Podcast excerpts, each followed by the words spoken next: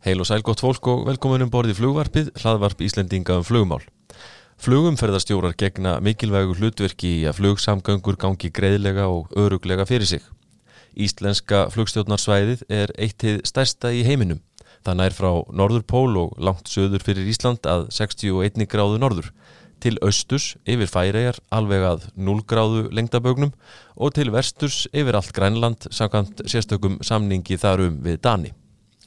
Guðmundur Karl Einarsson hefur verið flugumferðarstjóri í tæp 20 ár og hann er varðstjóri í flugstjórnarmiðstöðinni á Reykjavíkuflugvelli.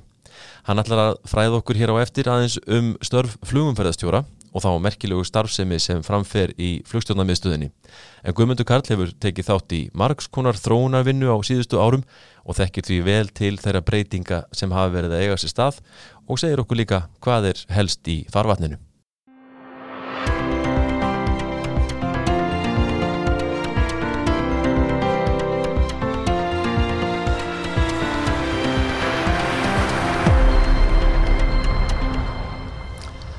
Já, við ætlum að tala eins um flugumferðarstjórn í dag og uh, hann er komin hingað Guðmundur Karl Einarsson, flugumferðarstjóri og varstjóri í flugstjórnarmiðstöðin í Reykjavík. Verður velkomin. Já, takk fyrir. Og ég er skaman að nefna það að ég kveikti svo fljótt eftir að við byrjum að tala saman í síma hérna í undirbúningi fyrir þennan hitting okkar að hvað ég þekkti röddina þeina vel en náttúrulega aldrei hitting fyrir núna. Nei, nei, við hefum áuruglega oft talað saman og, og þú þræl vannur að hlýða mér bara í einu öllu, Jú, jú. vonandi. Alveg hreint, skilmerkilega. En hérna Þetta er sennilega staðan með ansi marga svona í þessum bransa. Já, já, við erum náttúrulega tölum saman oft og, og hérna, allir sem, að, sem er í fljúa, hvort sem það er á Íslandi eða, eða útlendingar, sko. En, en, hérna, nei, nei, það er allt sem að bara faglu nótum alltaf. akkurat. Um, Hvernig er nú svona staðan í, í flugstundamiðstöðin í dag? Er, er mikið að gera? Já, það er nú bara sem betur fyrir, þá er umferðin að aukast. Okay. og við náttúrulega strax bara hérna í mars 2020 þá sáu umferðin bara datt niður og, og, og það var mjög lítið að gera og en svo erum búin að vera svona hægt og, rólega á uppleið sem er bara goða fréttir og, uh, og núna er sem sagt meðal umferðin í janúar við berum við meðal umferði í janúar fyrir tveimur árum 2019 fyrir ekki þreimur árum 2019 að þá er hún um 80% af, af þeirri umferð Okay. Þannig að það eru mjög góða frétti bara fyrir okkur og, og þetta er náttúrulega gríðarlega mikilvæga tekið sem eru að koma inn í landið í gegnum þessu þjónustu sem að flugstundum miðstöðin er að veita og, og hérna þannig að við erum bara, við erum mjög fegin og, og erum að kljá, bara kljást við þetta á hverjum degi að umferðin er aukast og Já. við erum svona að reyfi upp gamla takta. Já, einmitt Er þetta búið að vera að liggja bara í láginni svona þessi, þessi á þessum COVID tíma? Já, það er auðvitað svolítið mismönd eftir löndum. Mm. Við til dæmis sáum það að uh, segja, með Östurlönd, við að fá, erum að fá hérna Katari, Emirates og þessi flugfélagi gegn hjá okkur. Uh, mér fannst svo umferð ekki jafn mikið eins og önnur og það er alltaf búið að vera alveg stöðu umferð en, en hún varð mjög lítil á tímabili og, og þá þurftu þetta bara að fari, fari hendur til að sinninni á, á sama tíma. En, eh, en á sama tíma þá náttúrulega höfum við þurft að hafa fólkið okkar korrent og, menn þurfa sína þjálfun og, og, og sitt viðhald. Já, þannig að, að það er búið að vera bara umferðin hefur verið eins og sé hægt og rólega á uppleið. Og, og það er samt alltaf þessi grunnur. Þó að þessi færri áfangastæð frá Keflavík þá eru samt alltaf einhverjir. En, en mest af því sem við erum að sinna í flugstundum viðstöðinni Mm. það er umferð sem er að fljúa yfir hafið annarkvort frá Evropu til Bandaríkjana Kanada eða, eða tilbaka og hvernig eh, hefur þetta verið svona unnið með, með fólkið eins og nefndir, eh, veist, hafa, hafa margir mist vinnuna síðustu árin út af það hjá, hjá flugumfærastjórum eða? Nei, sem Nei. og, og það var farin svo, svo leið að flugumfærastjórar eh, hjá Ísafja ANS sem er dótturfyrirtæki Ísafja og sinnir flugstundum miðstöðinni eh, fóru í 80% starf í hálft ár sem að náttúrulega hjálpaði mikið til. Og uh, það var sveipað upp á teininum í Keflavík þar sem að flugumfærastjórar voru í 80% starfi. En, uh, en það hefur ekki verið farið í uppsagnir á flugumfærastjórum og það náttúrulega stafar eflaust af því að, að það er ofbúslega dýrt að þjálfa flugumfærastjóra upp. Og það væri mjög, mjög vond fjárfesting að fara að fækka þeim til þess að þurfa að fara að borga mjög ekki pening til þess að, að þjálfa þau upp á nýju. Já, en, en þessi, nátt- þessi menn náttúrulega og við förum ekkit í önnur störf hérna á Íslandi svona, 1, 2 og 3 er ekki, ekki tengt starfinu allavega sko. nei, einmitt, einmitt.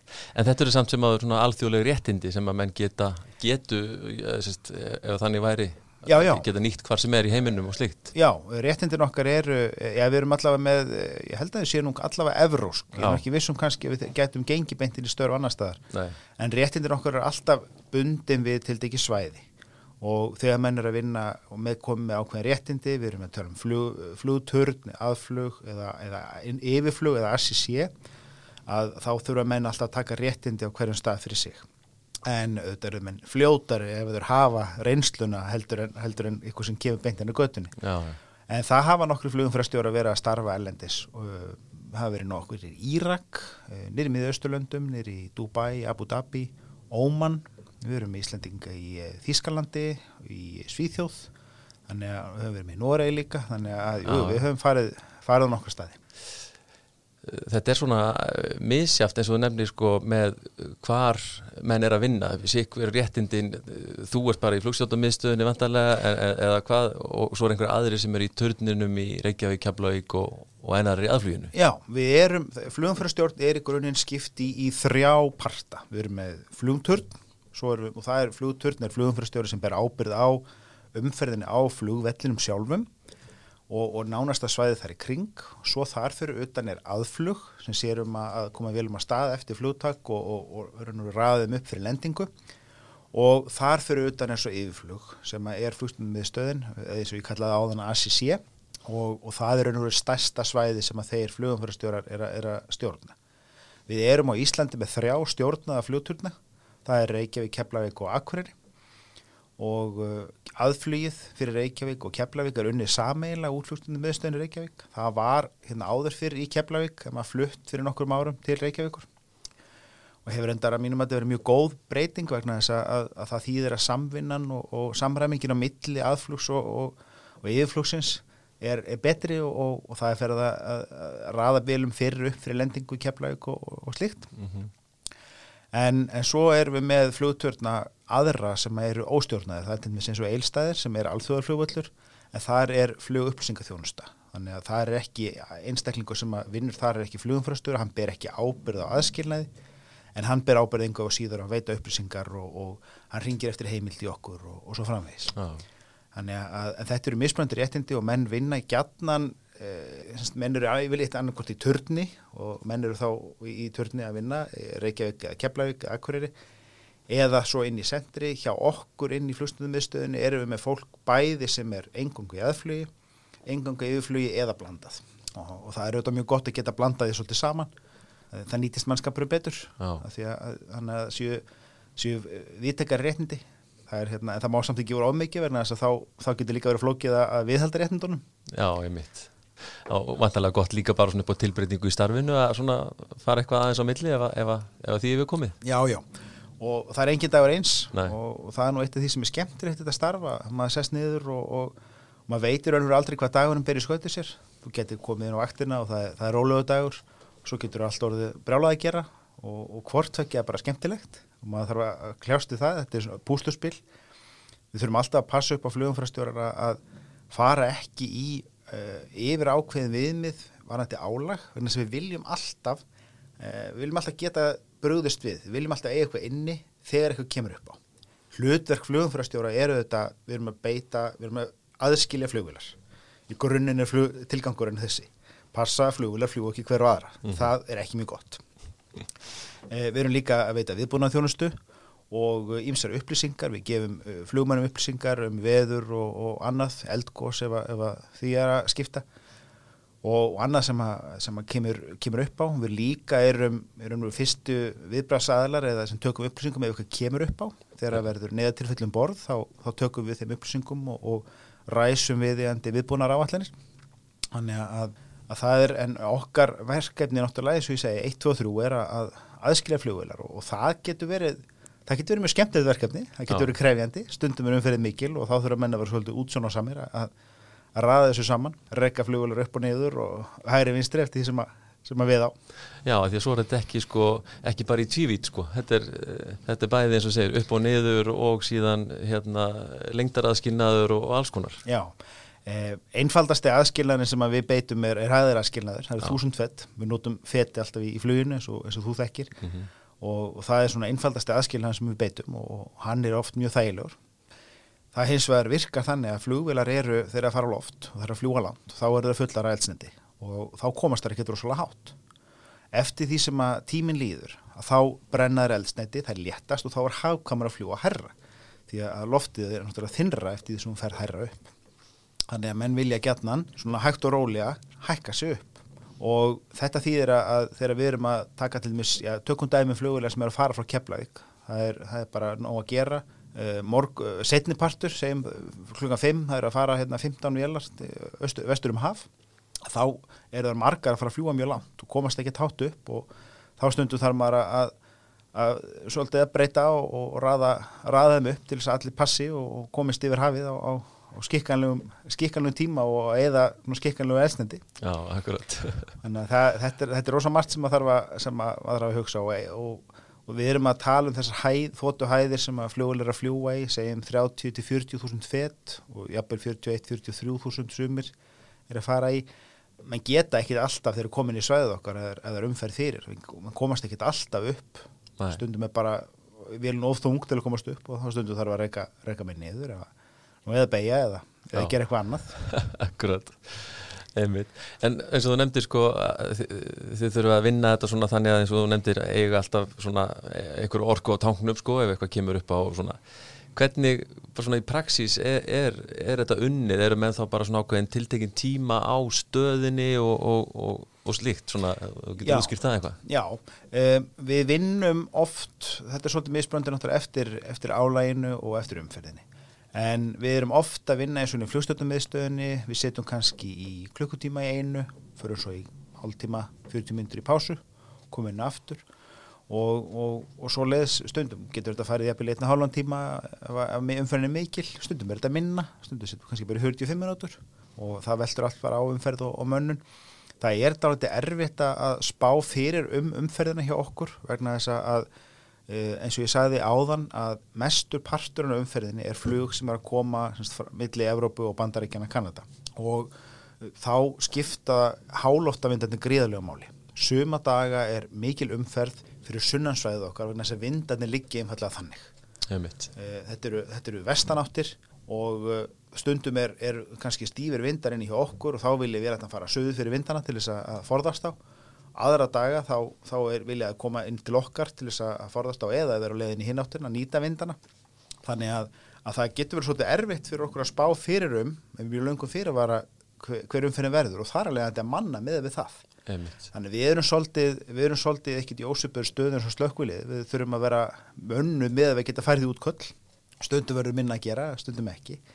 En, en við setjum alltaf þetta í kannski já, klukkutíma, fyrir svo í pásu og það er gríðarlega mikilvægt að, að setja ekki á lengi vegna þess að, að þetta er umferð sem, og, og þetta er vinna sem, að, sem er þannig að þú ert að einbita þér rosalega mikið. Þú ert, þú ert mjög mikið að fókusera og nota mjög mikið resursum og, og þú getur ekki haldið þeim fókus mjög lengi. Nei. þannig að það er, er áherslulega á það að menn taki, taki pásu þar á milli. Já, já, ég skal trúa því og, og það er ekkit sko það er ekkit lokan hlut og sólaring það er opið allan sólaringin Já, já, við erum opið allan sólaringin allar dag ársins já. og þetta er náttúrulega vægt að vinna sem að þundum að maður vinna á jólunum eða, eða áramótum eða, eða hvernig sem er. Og, og það er bara það er bara fínt, það er hlutið af starfinu.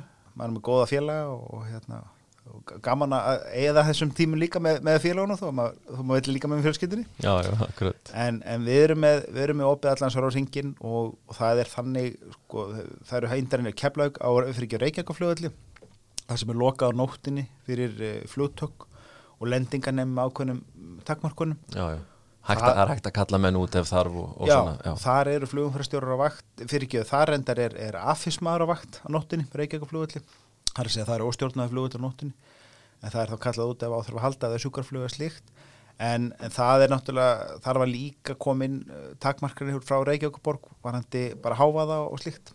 En, en svo eru eins og flugtundum miðstöðun og opinn alltaf svolur hringin flugtundum Keflavík, opinn alltaf svolur hringin og, og svo framvegs eh, svona, eh, svona það sem snýrað, það sem þú þekki kannski best í flugstöðunarmiðstöðunni eh, sko hver er svona helsta breytingi sem hefur orðið núna síðustu árum svona hvað varðar þetta að stýra þessari umferð og, og, og vinna þessa vinnu? Þetta er mjög góð spurning. Eh, fyrir 20 árum að þá, eh, já, það er á þessu ári 20 ár síðan við innleitum rafrænt fluggagnakerfi í flugstundum meðstöðinni. Uh, þar áður þá notuðu við pappirsræmur til að halda öllum upplýsingar um hverja flugvel. Það þýtti að flugumfærastjórum var með útprænta ræmu, þar var flugleiðin skrifuð, flughæðin og hann þurfti að handfæra inn allar upplýsingar, tímabreitingar og, og slíkt.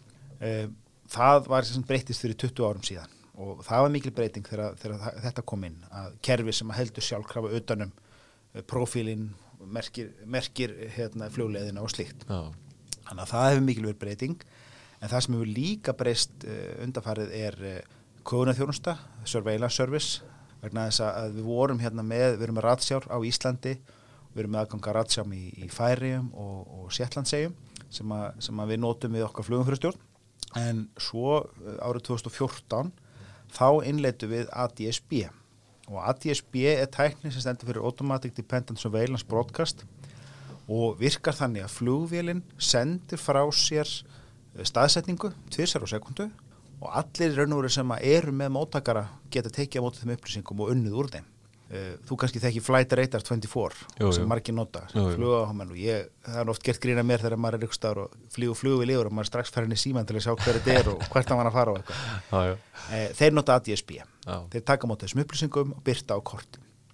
Þetta eru við fann að gera líka inn í hjá okkur. Við erum með ADSB mótakar á Íslandi, Færiðum og í Grænlandi þess að við erum að veita þessi þjónustu og uh, það hefur þýtta að í staðin fyrir að vera að, að alltaf, sko, þegar menn voru að byrja hérna flugumfæra uh, fyrir x árum síðan, þá þurftu bara að búa til ræmu og finna, heyrðu, þessi vél er að fara yfir hafið, hún passar svona, hún verður að fljúa þessa flugleið í þessari hæð og það má engu breyta. Nei.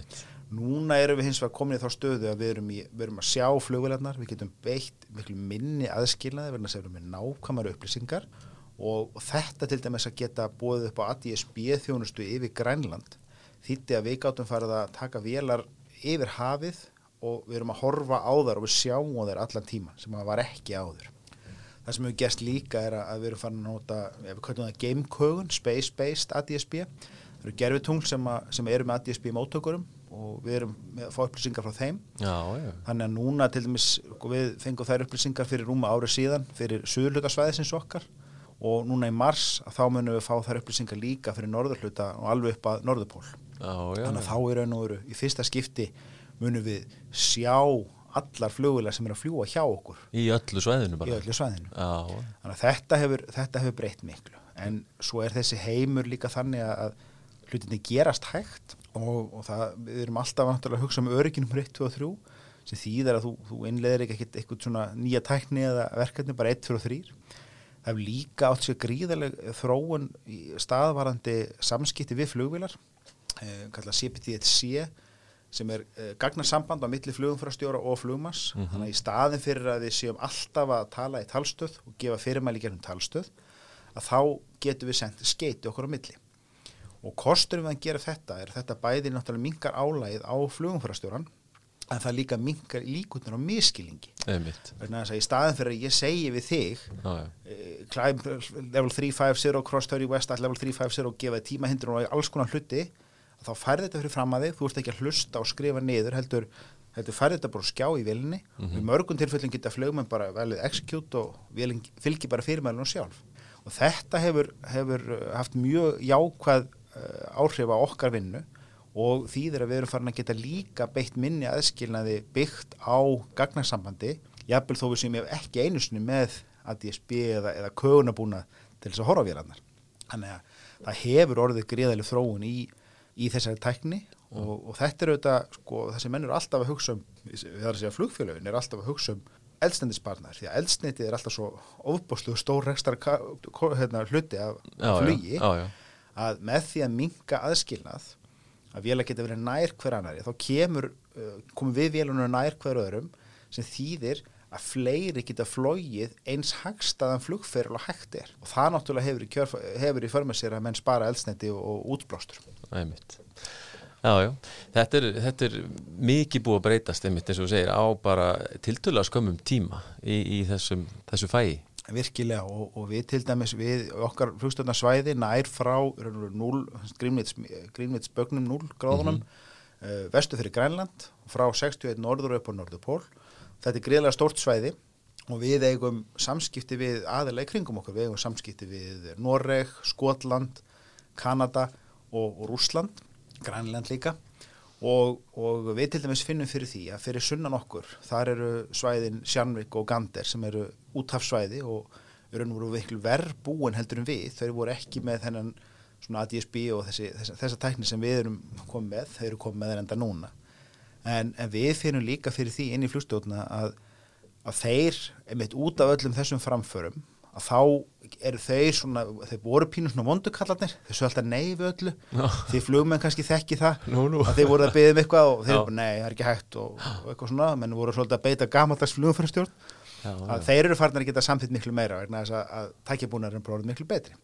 Og það lítur náttúrulega bara eitthvað svakalega miklu fyrir flugumfærastjóra eins og segir að hafa myndina fyrir fram að sig eh, held, í staði fyrir að eitthvað svona, eitthvað dead reckoning nánast bara í tíma og rúm eitthvað. Já, já, og við finnum það líka með, með nákvæmari tækjabúnaði bæði í stórum og litlum flugulum að þá líka er orðið miklu sjálfgefara meina, maður heyrir nú gömlum kempund að tala um hérna, ferjiflugmenn sem flugur hafið og það er bara annað hver flugmaður sem að, er einhver vél sem að týndist og, og fannst aldrei.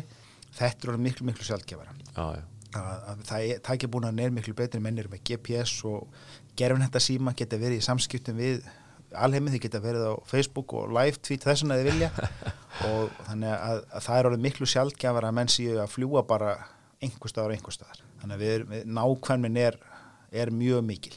Auðvitað hefur það líka ákveðan að galla í för með sér og það er eitthvað sem menn, menn fundu fyrir hefur einhverjum árum að þeirra flugvilega voru svona, svona nákvæman staðsendingabúna að þær flugu alltaf sömu leðarnar þá, þá voru þau kannski farin að lenda í sko veik turbulence hverju öðrum já, einmitt, eða eða voru að fljúa kannski þúsund fötu fyrir neðan aðra vél. Einmitt. Lo- Loftenda kvirlum held ég að heita á Já, íslensku eða takk, ég myndi ekki íslenska orðið. Nei, nei.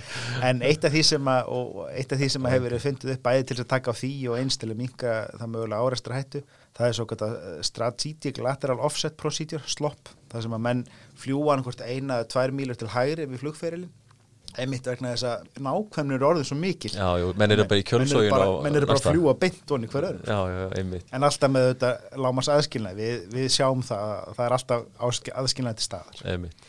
Svo skiptir náttúrulega vindurinn máli líka sko, hvernig, hvernig hérna, treylið á næstu flugur fyrir framann er að reka kannski að eða, eða, hvernig það er sko. hvar, hvar menn eru, jafnvel þúsund setur fyrir neðan geta verið í ykkur já. þannig að það er allt í líðsum en þetta er, þetta er svona eins og staðan er og búið að þróast náttúrulega sérðu samt einhverjar sko stór stökk svona framundan í þessum Já, við erum alltaf í í fullt af verkefnum og ég er nú svo heppinn að fá að hafa fengið að taka þátt í innleðingaverkefnum og, og mitt aðalstarfur er, er, að taka þátt í svoleiðisverkefnum að, eh, og við erum alltaf, í- alltaf í því. Eitt, næsta stóra skref kannski hjá okkur er, eh, er þetta Space Based ADSB fyrir norður 70 norður sem að vera núna í mars og það verður heilmikil breyting fyrir okkur að sjá flugvélarnar Við erum búin að vera líka í mikilli vinnu við að samþætta flugarnakerfin. Eh, Við erum með þetta flugarnakerfi sem, sem heldur utanum allar upplýsingarnar og svo radarkerfið eða ADSB-kerfið og núna erum við að vinna í að samþætta það þannig að, að flugufröðstjórun geti fókusera meira á uh, radarskjáin og horta á hann í staðin fyrir að þurfa að vera að vinna í flugarnakerfinu. Það er líka, uh, það er vinna við að, að uppfæra flugarnakerfin í flugstundum miðstöðinni, samþætta við uh, bæði flugarnakerfin við aðflug og, og yfirflug. Uh, Það verður á næsta ári stórt skref sem, að nú, sem að er nú spennandi, það er niðurfelling úthafsheimilda vegna þess að þessar, sem sagt, þegar að- að menn fóru fyrst að geta flúið yfir hafið eins og ég sagði áðan, að þá þurfti bara að búa til heimild sem að virkaði yfir hafið. Einmitt. Hún var bara svona. Þú varst búin að fá þitt rör, þú mátt fljúa svona, þú mátt ekki breyta því. En núna með allir þessari tækni að þá er ekki lengur talin þörf á þessum úthafsheimildum og, og okkar svæði við erum í miklu samstarfi við aðlíkjandi svæði og, og, og þessir veitendu flugleðsugu þjónust á úthafinu eru í miklu samstarfi og það verður núna næsta ári þá verður uh, farið það að leggja þessar úthafsheimildir niður Já, já. þannig að flugvalir einfallega fljúi bara í samræmi við flugplan og svo náttúrulega ef að flugumfærastjórun þarf að gera breytingar þá gerir hann það. Einmitt. En í grunninn verði þá, verði þá allar heimildir bara standard flight plan route eins og, eins og þekkist viðast hvar annars þar Já, þetta er kannski líka einmitt eðlilegt framhald af því þegar þú ert komið með, með myndina af svæðinu Já, já. og við erum, við erum fullt af sko, flugum fyrir að stjórn og, og flugurekstur byggir óbáslega mikið á öryggi. Og við erum alltaf að hugsa er við ætlum að gera þetta svona, ef þetta klikkar hvað ætlum við þá að gera, Einmitt. ok, ef þetta klikkar hvað gerum við þá við erum oft komið með tvo og þreja og yfir fjórfald lög af alls konar öryggis þáttum og eitt af því sem að til dæmis við, við erum með er að, erum að fá ADS-C samninga, við erum að fá upplýsingar frá flugvelinni, ekki bara hver hún er, heldur hvað hún ætlar að gera. Og þetta notum við til þess að bera saman við, við ferilinu og aðra vélar, heyrðu, þessi vél, ok, hún er að fljúa eins og hún ætlar að vera að gera. Og ef það kemur upp ykkur mis, misræmi þar á milli, þá er það eitthvað sem flugumfærstjórn þarf þarf að breyðast við og, og þannig að með því að í raun og veru þessi þörf fyrir þessar úthafsheimildir sem að, sem að voru hérna allsaðandi og hafa verið og eru ennþá hún er ekki lengur til staðar af því einfallega að við erum með tækjabúna sem getur gert þetta betur heldur en, heldur en kannski þessi, þetta gamla ferli. Þetta, þetta svæði sem er búin að koma inn á sko ofbóðslega viðfemt og eitt af stærsta uh, í heiminum uh, en sko umferðin um það er, er einhver umferð til dæmis svona nálægt pólnum sem dæmi er, er þetta mest hérna sunnar í svæðinu? Eh, Langmesta umferðin er, er síðst í svæðin okkar, hvað við segja fyrir sunnan 70 norður Já, já. sem er uh, samt sko fyrir norðan að- en hérna samt það er svona, það, er, það eru sektor okkar, við skiptum svæðum okkar í sektora, söður, östur, norður og vestur og mesta umferðin er í þessum þremur sektorum sem eru síðst hjá okkur, söður, östur og vestur sektor en, en norður fyrir þá er lítil umferð en, en hún getur þó alveg, það fer eftir vindum og, og stundum getur verið alveg glettilega mikil umferð Já. norður frá sko. En, það hefur breyst líka rosalega. Þegar ég byrjaði í flugumfærastjórn fyrir tæpum átjárunum síðan þá, voru, þá voru, var Rúsland mjög lokað og menn voru ekkert mikið að fljúa þar yfir. Þegar voru að fara milli til dæmis Bandaríkjana og Hong Kong, og Hong Kong eða, eða þá, því, því svæði. Þannig að það var mikið umferð sem að var að fljúa hjá okkur frá Evrópu upp með Grænlandi og yfir til Alaska. Uh, það er umferð sem við sjáum ekkert í dag. Nei. við erum hins vegar með umferð sem er að fara einmitt frá uh, New York og er að fara kannski, fer þá upp með, norð, upp með Grænlandi, rétt sönnu með Pólinn stundum okkar megin, stundum hinum megin og er að fara svo yfir til Hong Kong og Shanghai og, og, og, og þessi, þessi svæði.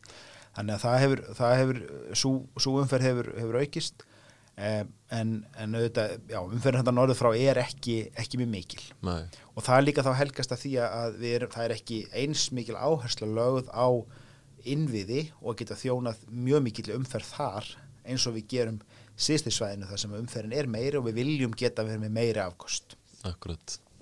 Og hvað eru þið sko svona alla jafna, um að segja, bara svona típisku vinnudegi, margir flugumförastjórar að vinna í flugstjórnamistunir Reykjavík? Það er oft uh, alveg kannski ég segja 10-15 upp í 20 manns sem eru á vaktinni. Já, já. og, og það eru þá flugumfærastjórar sem eru bæði að vinna aðflug og, og, og yfirflugið. Uh, vaktirna byrja klukkan 7 á mótnana uh, og svo eru menn að koma inn sem er koma klukkan 10, 11 og, dagvættinir eru þá lengst til 8 á, á kvöldin og þá kemur nætuvættin og, tekur við. Uh, við erum líka með flugarnafræðinga á vakt sem að sjáum að, að, að taka móti flugáallurum, leiðir þetta skeiti að lagfæra og fylgjast með helsun á kerfunum. Og, og hérna gríðarlega mikilvægt starf sem að þau, þau vinna í því því að, að kerfin þurfa auðvitað að virka og geta hjálpa okkur í, í því sem við erum að gera. Þannig að og við erum uh, og þá, þá er auðvitað er markmiðið alltaf með þegar að vera skipar ekki að vaktir að það sé ekki allt og margir á vaktinni með umferðina. En eins og ég segi, við erum, við erum svolítið eins og slökkuli við þurfum að geta bröðust við og þurfum að geta að sint þeirra umferð sem við getum og við erum með og, og það sem við gerum er að við skiptum skiptum með okkur umferðinni. Ef það er lítið að gera, þá sýt ég kannski með tvo sektora, söður og austur sektor sem er semst Ísland og Færi og það svæði. Já, þegar það er rólegt að gera það get ég setja með þá báða. Svo fyrir umferðin að aukast.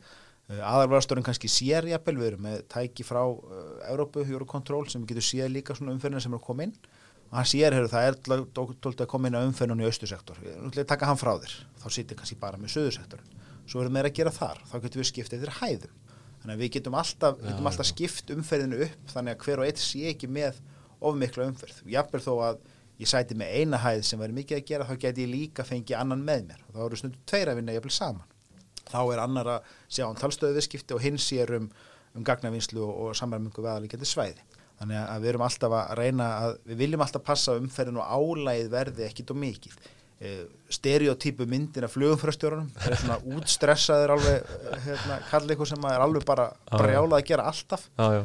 að- Löðrandi sveittur alveg löðurandi sveittur og svo fyrir hann að horfa fiskabúr í pásinu og hann er alveg steiktur. Þannig, þannig vinnum við ekki að við, við vildum að þá, þú myndir ekkit endast í starfinu ef þú er að gera það Hvað eru, sko, flugumfæra stjórar, sko, stjettin, er þetta fjölmenn stjett hér? Já, það er um 150 starfandi flugumfélagstjóra á Íslandi og hefur, hefur bara fjölga nokkuð undanferðin ár sem, að- sem er jákvægt Uh, það þarf alltaf að vera endur nýjun í, takt við þá sem að hætta. Við hættum að vinna á borðum 63 ára og uh, þá hef, er svolítið misjæft sömur hafa kannski bóðið sér fram og vilja vera í öðrum verkefnum eftir það, jafnvel kannski til 67 ára eftir, ef, að- ef, að- ef aðstöða leifa Er þetta bara reglugerar lína í sandin bara 63 ára eða? E, það var þannig. Að reglu, skýrtinnið okkar þegar við erum að vinna bara á skýrtinni eins og, og flugmenn gera skýrtinni rann og gildi 63 ára. Það hefur verið enda breyst núna. Skýrtinnis, skýrtinnisreglugerin er ekki lengur klift við 63 ára. Nei. Og það er samtali gangi á milli, milli Ísafi og, og flugumfærastjóra til íslenska flugumfærastjóra um framhaldi vegna þess að það eru ákvæði í kjarasamningurum okkar sem vísa í þessa gömlu reglugerð með 63 ára sem Já, er og veru ekki til lengur Ég skil. þannig að það er svona eitthvað svona vinna sem, að, sem er í gangi en allavega enn sem komið er að þá, þá hættu við við 63 ára aldur að vinna flugumfærastjórn. Já, ég skil. Hvernig er með til dæmis, eru margir að læra þetta í dag? Já, það eru núna hjá okkur inni í flugstjórn eru, eru fjórir eh, nemar að læra. Ok, og það eru námskeið núna vera, og ég held með þess að sé nú bara núna við erum, það er nú lók janúar og það er held ég bara óverið og auðlýsa eftir uh, nýnum inn í flugumfærastjórn og námskeið sem á að hefjast uh, skilst mér fljótlega. En, en hérna, og þá held ég, held ég að taka inn uh, hvort það eru fimm eða eppil tíu sem að ég að fara þar í nám. Að þetta er nám sem er þannig að það er gríðarlega dýrt að þjálfa flugumfærastjóra og þetta er óskaplega einhæft. Við erum ekki marga vinnuveitundur sem við getum valið um í Íslandi. Þannig að það hefur farið eins og leið að- við erum að vinna atvinnu rekandinn í Savia eh, kostar námið, hann velur inn fólk sem kemur í nám og hann er raun og veru, þar er eh, að námið kosta, þannig að við greiðum ekki sjálf fyrir námið og svo fá menn þá vinnu í kjölfarið þannig að, að þetta hefur verið það hefur verið eh, fyrirkomulega sem að menn hafa aðeins prófa mismöndi leiðir en þetta er það fyrirkomulega sem held ég hafi reynst hvað best þannig að þetta er, þetta er í gangi alltaf reynd og eins og segir, það er náttúrulega hérna, endur nýjun í þennan hóp eins og alla aðra. Já, já, og það þarf að gera það og það er að koma inn mikið af, af góðu fólki og, og hérna, og að sjá góða flugumfærstur, það er mjög skemmtilegt þegar maður er búin að vera að þjálfa að hérna, sjá, Já, sjá árangur erfiðisins einmitt. Menn finna til töluverðar ábyrðar í þessu starfi, er það ekki? Jú, og, og þú auðvitað, þú færði ekki þetta starf nema að þú sér tilbúin til þess að axla þá ábyrð. Mm. Einhvern tímann heyrði ég því fleikta að flugumfærastjóri á einum vinnudegi bæri ábyrð á fleiri mannslíðum heldur en skurlagnir og heilir starfsæfi. Þetta Einmitt. er öðruvísi en, en, en einhvað síður. Er, þetta eru gríðilegar hagsmunir og, og menn eru, menn eru alvara til að fara í þetta og menn eru alltaf að gera sitt besta. Eh, Það eru mjög mikið reglum sem gilda um okkar starf mikið af, af reglum sem við þurfum að fara eftir á munna og, og, og hérna, beita á hverjum degi og við auðvitað vöndum okkur, vöndum okkur við það og, og viljum veita sem besta og örugasta þjónustu flugfélögum og, öðrum sem, að, sem er um borð. Hvað, hérna, eh, hvað er námið langt? Ætla þetta sé ekki um eitt og hálft ár ef ég mann rétt frá því að, að námið hefst og þá hvernig menn eru komið fyrstu réttindi og svo, svo eru er menn oft þá að bæta við réttindum. Já, réttindin með sinni flugstöndum miðstöðin eru eru þrískipt þar að segja í yfirfluginu, þú getur verið með norðu vestur sektor, þú getur verið með söður austur sektor eða ingangu austur sektor og, og menn þurfa þá að fara í nám til þess að taka, taka réttindi þar. Það hefur enda minga svolítið munun á milli þessara svæða eftir því sem árin hafa liðið vegna innleðingar á ADSB og, og svo leiðist því að þjónustan fyrir, fyrir 18 árum þegar ég var að læra Mm. mm. var gríðarlega ólík í vestru sektor sem maður byrjaði þá í, í vestru norðurinu eða á Íslandi þar sem við vorum þá með radar og, og veita öðruvísi þjónust. Já, akkurat.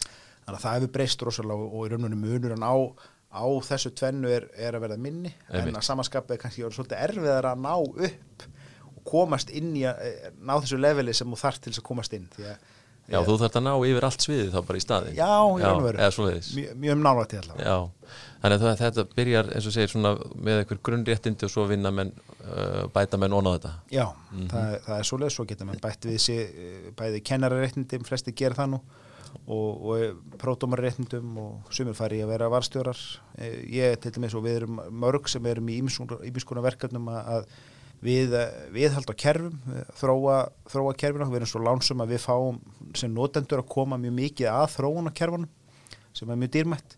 Og, og hérna, það þarf það mikið að hólki í því og, og, að, að hérna, þróa á skilgrana hvernig hlutin er að vera, það eru fólk í, í skóla að kenna, við erum með rannsóknarhóp sem rannsakar atvik sem kemur upp og, og slíkt, þannig að það er líka fjölmörg verkefni sem menn er að sinna, flugharstjóru að sinna utan, utan salarins Já, ég skil.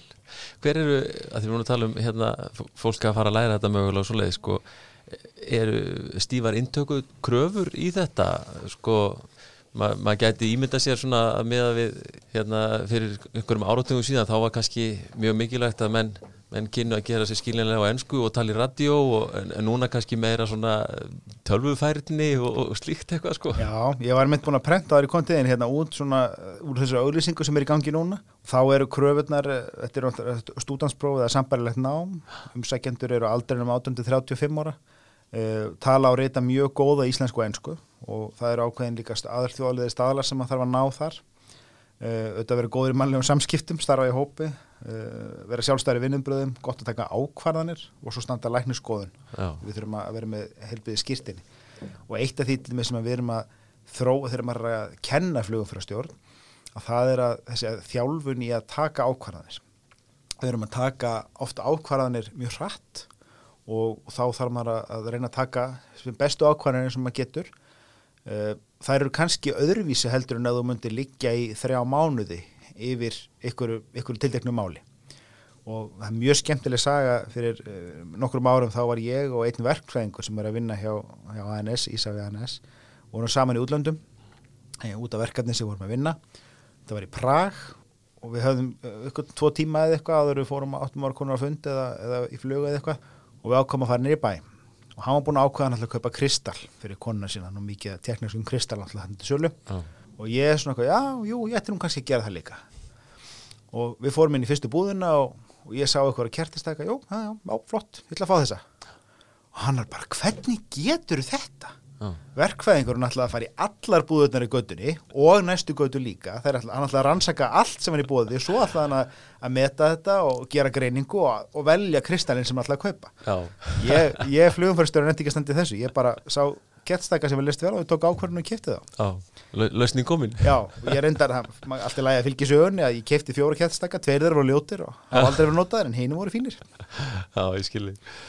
En hérna, eh, eins og segir, þú er búin að vera í þessu í, í tæp 20 ár. Eh, Það hlýtur nú svona, þú er mæntalega orðið vitni að alls konar eh, atvikum og hinn á þessu áttu ykkur að svona sögu af, af slíku e, þar sem að, Já, við, eins og ég segi, við erum náttúrulega erum að, við erum svona fyrsti viðkomið staður þegar Já. eitthvað kemur upp á og, og keflauguflugullur er, er svona mjög góður staður fyrir vélar sem er að fara í hafið og, og þurfa að, að lenda annar staðar heldur en, heldur með nætluðu. Mhm. Oft náttúrulega eru þau tilfelli kannski veikufarþegi eitthvað slíkt sem, að, sem er svo sem ekki beintir en voru neitt neða tilfelli akkvært fluginu.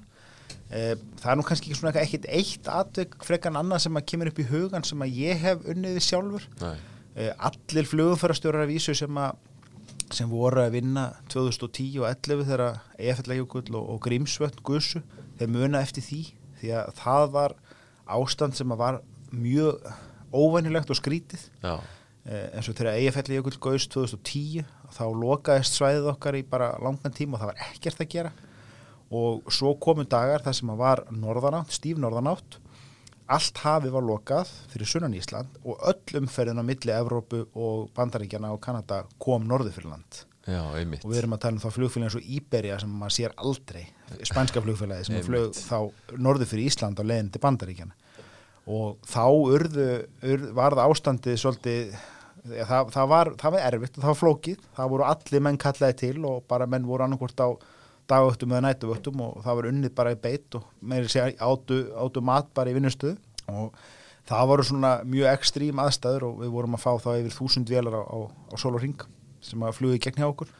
Og, og hérna annað svona sem ég, ég man eftir að var svona, svona eftirminnilegt það var, það var fyrir ekki mörgum árum það sem að var sólmyrkvi milli, sem var, var alveg almyrkvi á milli færi á Íslands og það voru margar flugvilar sem að búið að skipulegja mikið frá Þískalandi og Breitlandi sem að ætlaði að koma og fljúa mjög sérstakka flugleið til að sjá og ná þessum sólmyrkva. Já, ég man eftir þessu. Já, og þetta var, og það var búið að skipil og búið til alls konar ferla og menn þurfti að vera búin að tilkynna fyrir fram og eitthvað svona. Já.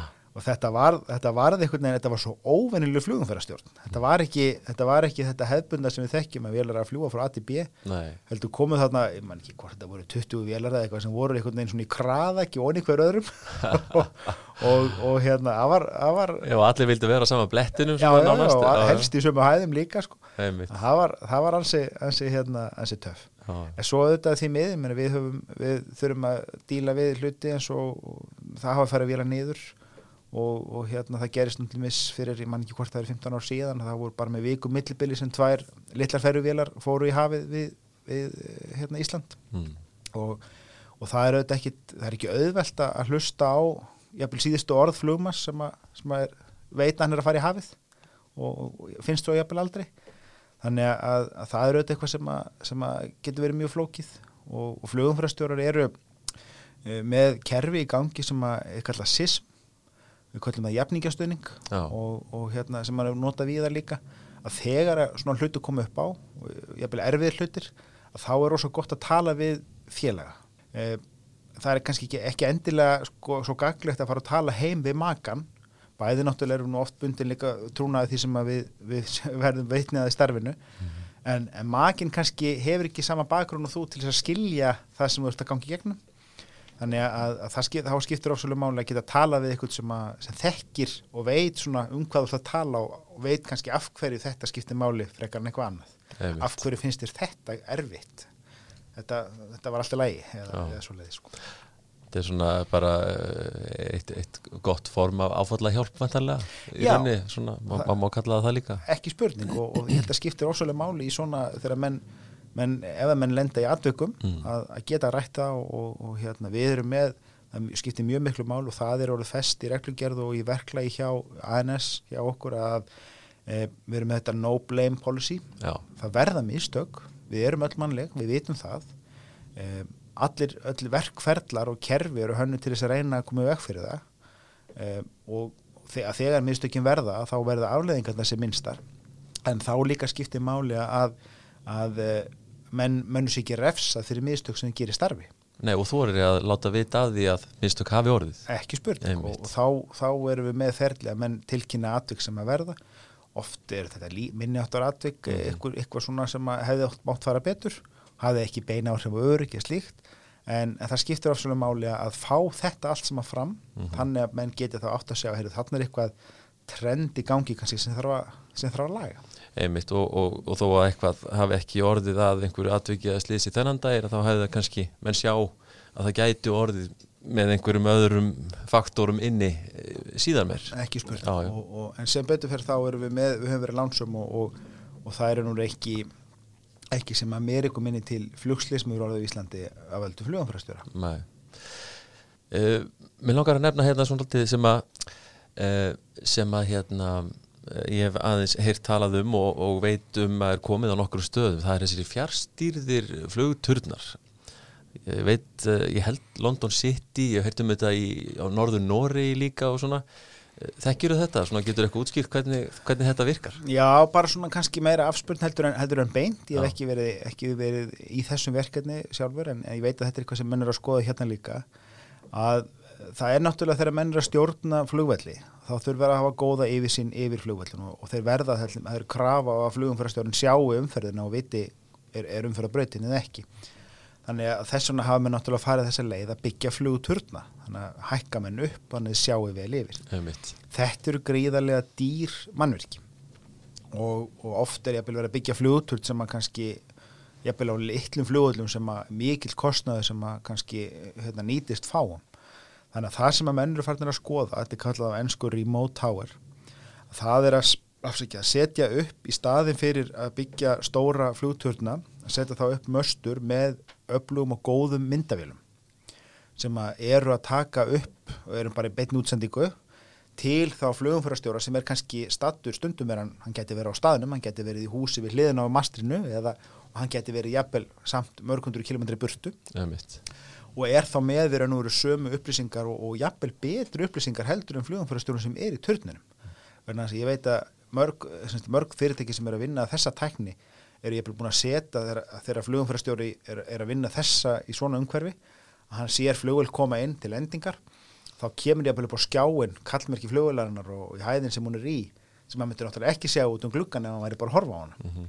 þannig að ég veit að þetta er tækni sem er verið að þróa mikið og, og, og ég er ekkit endilega við sem að flugmenn verið svo mikið varið við það hvort að flugumfærastjórun er upp í turninum eða ekki. En, en ég held að þetta sé eitthvað sem er klálega komið til að, að vera allavega mun, munu skoða áfram. Og það er líka þá möguleiki á að, að ef þú ert með tvo, þrjá, segjum flugvelli sem er lítil umferð á þá er möguleiki að kannski samnýta mannskap og, og, og vera þá með betri og örgara þjónustu fyrir ríkið með því að gera það frá einum stað. já Og, og segir þú, er verið að skoða þetta eitthvað til dæmis hér á landi eða? Já, ég veit til þess að ANS er með verkefni í gangi að skoða möguleika að nýta þessa tækni.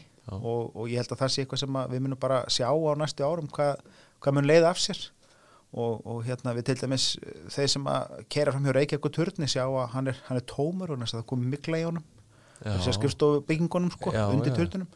Og þannig að þá getur menn ímyndið sér að það, það að að, að, að reysa mastur og setja upp svona tækni heldur en að mögulega fara að byggja nýja turn á, á Reykjavík flugvelli Já, það er áhuga að vera pæling sko. Ha, Þannig að við kannski sjáum þetta bara fyrir, fyrir en varir. Ég hugsa að þetta sé eitthvað sem að menn geta alveg séð fyrir sér að nýtist, nýtist vel og, og, og, og geti bara, bara gert þjónustónu afkvæmara og örugari.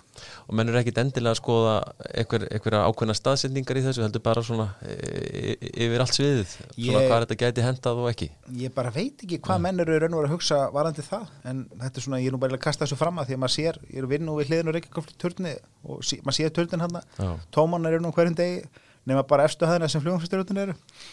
En, en hérna, þannig að ég held að þetta ég veit að menn voru fyrir ykkur árum líka að skoða þetta, sko, akkurir og eilstöð að reyna að sam, samnýta mögulega þá mannskap og annað akkurat uh, Er mikið samstarf flugumferðarstjóra við kollega ykkar ellendis og svo leiðis? Já, samstarfið okkar, sko, alþjóðlegt samstarf er raun og veru, má segja, tvíþætt. Annars vegar er það í gegnum okkar vinnuveitanda í Savi ANS sem á í gríðarlega miklu samstarfi við aðra uh, veitendu flugumfjöðu þjónustu í kringum okkur. Við erum, uh, alþjóða flugmálastofnunin ICAO er með hópa sem að sjá um hvern ákveðin svæði. Við okkar, okkar svæði er natt, North Atlantic uh, svæðið og þar eru gríðara margir hópar sem að hafa mismöndi hlutaflokkum að gegna.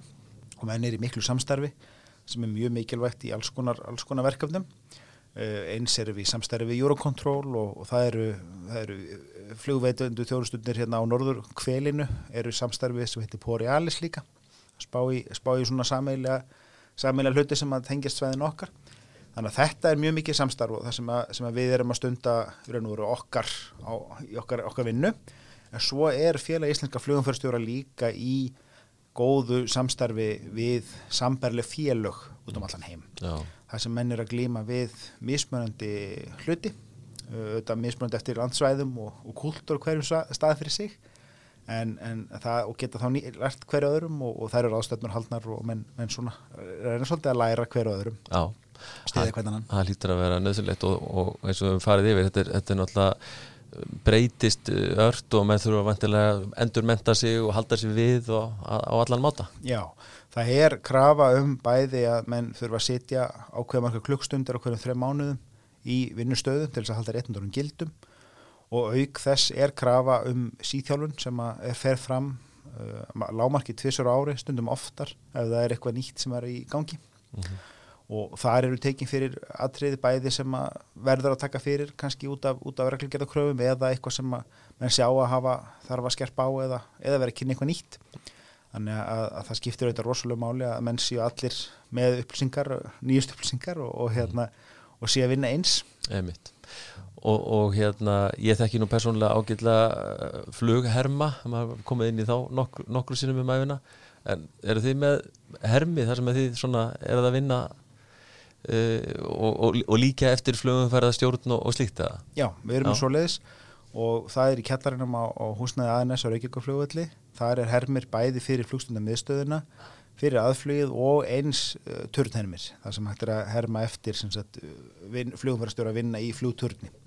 Og þá eru flugmenn sem, a, sem að fljúa á móti, leika aðra flugmenn og aðra flugumverðarstjóra og, og það er hægt að kera æfingar og, og, og það er til og með styrra mennir í námi og þá, þá taka, eru teknar æfingar í, í herminum áður að þau koma vaktir inn í flugtunum miðstöðinni. Og maður náttúrulega gera með það í stjórnuð umhverfi og með alveg stjórnaðar aðstæður það sem hægt er að herma ímislegt. Já, en það er ekki þannig að flugumfærastjóri að flugumfærastjórar þurfi að hafa eitthvað grunn uh, í flugmannsnámi eða eitthvað slíkt að hafa farið í það? Nei, mér skilst að hafið nú verið þannig hérna áður fyrir, þá er það talum kannski nýjunda áratóknum. Já, þá var þetta allavega í, í bóði, veit ég. Já, já þá, þá, þá var það þannig já. og menn gáttu tekið, sko, menn gáttu ég vil tekið enga flugmannsrættindi uh, með sinn bakgrunn sem flugumfærastjórar. Um, ég segi því miður ég held að það sé mjög gaglegt að, að vita og sjá hinn að hliðina, kunna mhm. aðeins að, að, að hérna, vita hva, hvað hinn er að fást við og ekki síður að ef það þarf að kemur upp að það þarf að aðstúða flugmann sem er neyð þá náttúrulega er mjög gott að hafa eitthvað þekkingu aðeins að vita hva, í hvað aðstæðum er, er flugmaðurinn Já, einmitt Er þú sjálfur eitthvað í, í hefur farið í, í, í flugnám sjálfur? Eða? Ég hef farið í sennilega einn flugtíma, ég fór tvo svona kynnistíma fyrir, fyrir röglega 20 ára síðan, Já. fannst það mjög skemmtilegt, en ég hef aldrei farið lengra heldur en það. Nei. En þú, eins og þú nefndir hérna án við byrjum nú að taka hérna upp á þú, og, og menn gera það almennt er það ekki þegar að þið eru svona að ferðast að þá svona eru menn að láta vita af sér og, og, og svona jafnvel kíkja og setja aðeins fram í, í flugstjórnarklefum og svona líka eða hvað? Jú, við, við reynum að halda góðum samskiptum við okkar kollega bæði flugumfrastur og, og flugmenn og mikið er þetta eins fer maður þegar maður er að fara eh, stundur útlanda, maður reynir að kíkja kannski heimsó mm. til annara flugstundan meðstöða eða törna og það er ósala gaglegt, það eru alltaf verða flóknar og flóknar út á örgisráðstöðunum Og, en ég hef nú til dæmis farið bæði í hérna, fór í New York Center sem var mjög, mjög áhugavert að sjá með risadór bygging og, og hérna, flókið komast inn í hana Já. en það var ótrúlega gott að sjá og, og það er alltaf gott að sjá hvernig, hvernig aðrir er að vinna og hérna, þá fæðum við góður hugmyndir og getur delt eigin reynslu Eimitt. Hvað hérna við erum búin að tala um fægið ansi drjúkt núna eh, með sjálfaði hvernig, hérna, hvernig kom það til að þú ákvaðast að fara þessa leið? Heru, það var nú bara þannig að, að, að þegar ég var búin í mentaskóla þá, þá vissi ég nú ekkit alveg hvað ég vildi gera og skráði mig í Ramags og tölvuverkvæði í háskólanum. Fannst það hundleðilegt en maður tók nú samt þátt og mætti og svona og fór í vísindaferðir eins og mann gera í háskólanum. Og þara var einn vísindaferðin í, til flugmærastofnar Íslands ég þá, inn í, í flugstundum meðstöðu ég, ég skráði mig hann og, og fannst þetta einn besta ferð Mér skilst reyndar að hínum hafi fundið þetta leiðileg vísindaferða þegar það var svo lítill bjóri bóði en, en hérna, mér fannst hún bara þá að verða ég ákvaða að prófa að sækjum og, og komst að, við fórum út við vorum sex sem, að, sem enduðum þá í, í því valferli sem að komast áfram, fórum í þá var grunnámi kent út í, út í Vín og í Budapest. Og vorum þar í, í hálft ár í grunni og við erum komið heim og, og hérna, heldum áfram með réttindarámi hér Þannig að það var, það var góð vísindaferð að fara í, fara í hana. Það hafði mikið lárið. Já, já, já, ekki spurning. En nú er þetta, þetta námi sem fórum yfir á allt hérna heima. Já, nú er þetta hérna heima. Já, já. Og hérna, og er þetta svona fag sem að þú mælir með fyrir aðra? Eru margir kostir við starfið? Já, mér eins og, eh, sko, það er engin dagur eins. Nei. Og fyrir mig er þetta, maður er að takast á við svona skemmtilegar áskoranir mm. og maður er auðvitað með góða vinnufélaga í, í hérna vinnunni.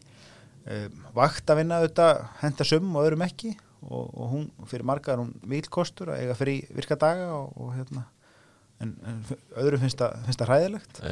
Þannig að mér finnst þetta þetta er, þetta er áhugavert starf og námið er auðvitað ekki langt en, en ábyrðin gríðaleg og það er jafnaði þannig að það er gríðalega margir sem sækja um að komast inn í nám en fáir sem komast áfram. Eh, líka kemur inn á það að við erum að leita alltaf að ákveðum hæfileikum í fólki sem er að kemur inn í námi við viljum reyna spotta þá einstaklinga sem við sjáum að hafi þá hæfileika, það quality sem þarf til að komast áfram. Mm -hmm. það er það er auðvitað þetta er, er svolítið hættbretti þegar maður, maður sækjur um en ég hveit alla sem hafa áhuga að prófa, sækjum og, og hérna, það er gaman að þetta er svona, þetta er svolítið falin heimur Já, einmitt. Við, sjáum, hans heyri slítið um flugumfærastjóra nema þegar við erum í kannski kjara baróttu þá, þá erum við á allra vöna menn að við erum leitið þá er þetta svolítið maðurinn baka tjöldin. Já, já, þá er ykkur bölvað bara bölvaði, bölvaði hljóði og ekki hljóði. Já, já, já, þá sleppum maður að lesa kommentakerfin Já, akkurat. Það gera nú sjálfast nýtt gott fyrir mann. En það er kannski mitt þessi hérna, hvað maður segja, þessi, þessi vaktavina sem er þá kannski helst í gallin eða er einhverjir svona Já, sem, þetta er náttúrulega sko, já, fyrir sumar um galli einmitt. aðra ekki það er þetta má segja að það er galli líka að, að það er ekki, það er ekki mikið atvinnum frambóð í Íslandi Mm. og við erum óskaplega háð okkar atvinnur reikanda Ísafja, OHF sem reikur kefla ykkur flugvöll er, er ofnbært hlutafélag og undir því eru svo tvö engal hlutafélag Ísafja innanlands sem reikur innanlands flugvöllina og flugum fyrir stjórnir sem starfa hjá Reykjavíkuturni og Akureyri eru þar og svo Ísafja ANS sem að ég starfa hjá sem að er flugstundum miðstöðin. Þetta er raun og veru fyrir utan þrjá flugumfærastjóra sem starfa hjá samgangustofu við svona eftirlitsverkefni að þá eru flugumfærastjórar ekki starfandi annar staðar við fæið á Íslandi. En, en auðvitað hafa menn farið til útlanda. Þannig að það er kannski, auðvitað, kannski stærsti gallið má segja að, að, að þetta er ekki mjög þetta er ekki mjög gaglegt nám að, að hafa. Nei, bara, þetta er svona sérhæft. Þetta er mjög sérhæft. Já, en enga sér mjög skemmtilegt algjörlega hérna um, hvaðan ertu?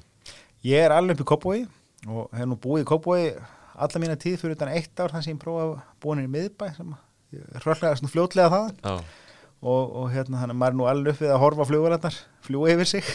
Akkurat. Og kalla, kalla á þar frá leikskólanum. Ég koma með? það var vinsælt, vinsælt og gott en, en hérna, já, já, ég bý hérna á höfbúkarsvæðinu og, og fyrir að raukja ykkur flugvalla sinna mínu störfum. Eh, núna, eh, svo sem með COVID hefur staðið þá, þá hefur svona þessi verkefna vinna mikið farið fram líka heimavinnu. Við sinnum svo sem ekki flugumferðinni heimavinnu en, en í mjög verkefni vinnum er þetta, þetta sinna þannig. Þannig að þetta er sko margir sem ég hef tekið hérna í viðtal uh, flugið er eitthvað neginn, þetta er svolítið baktería.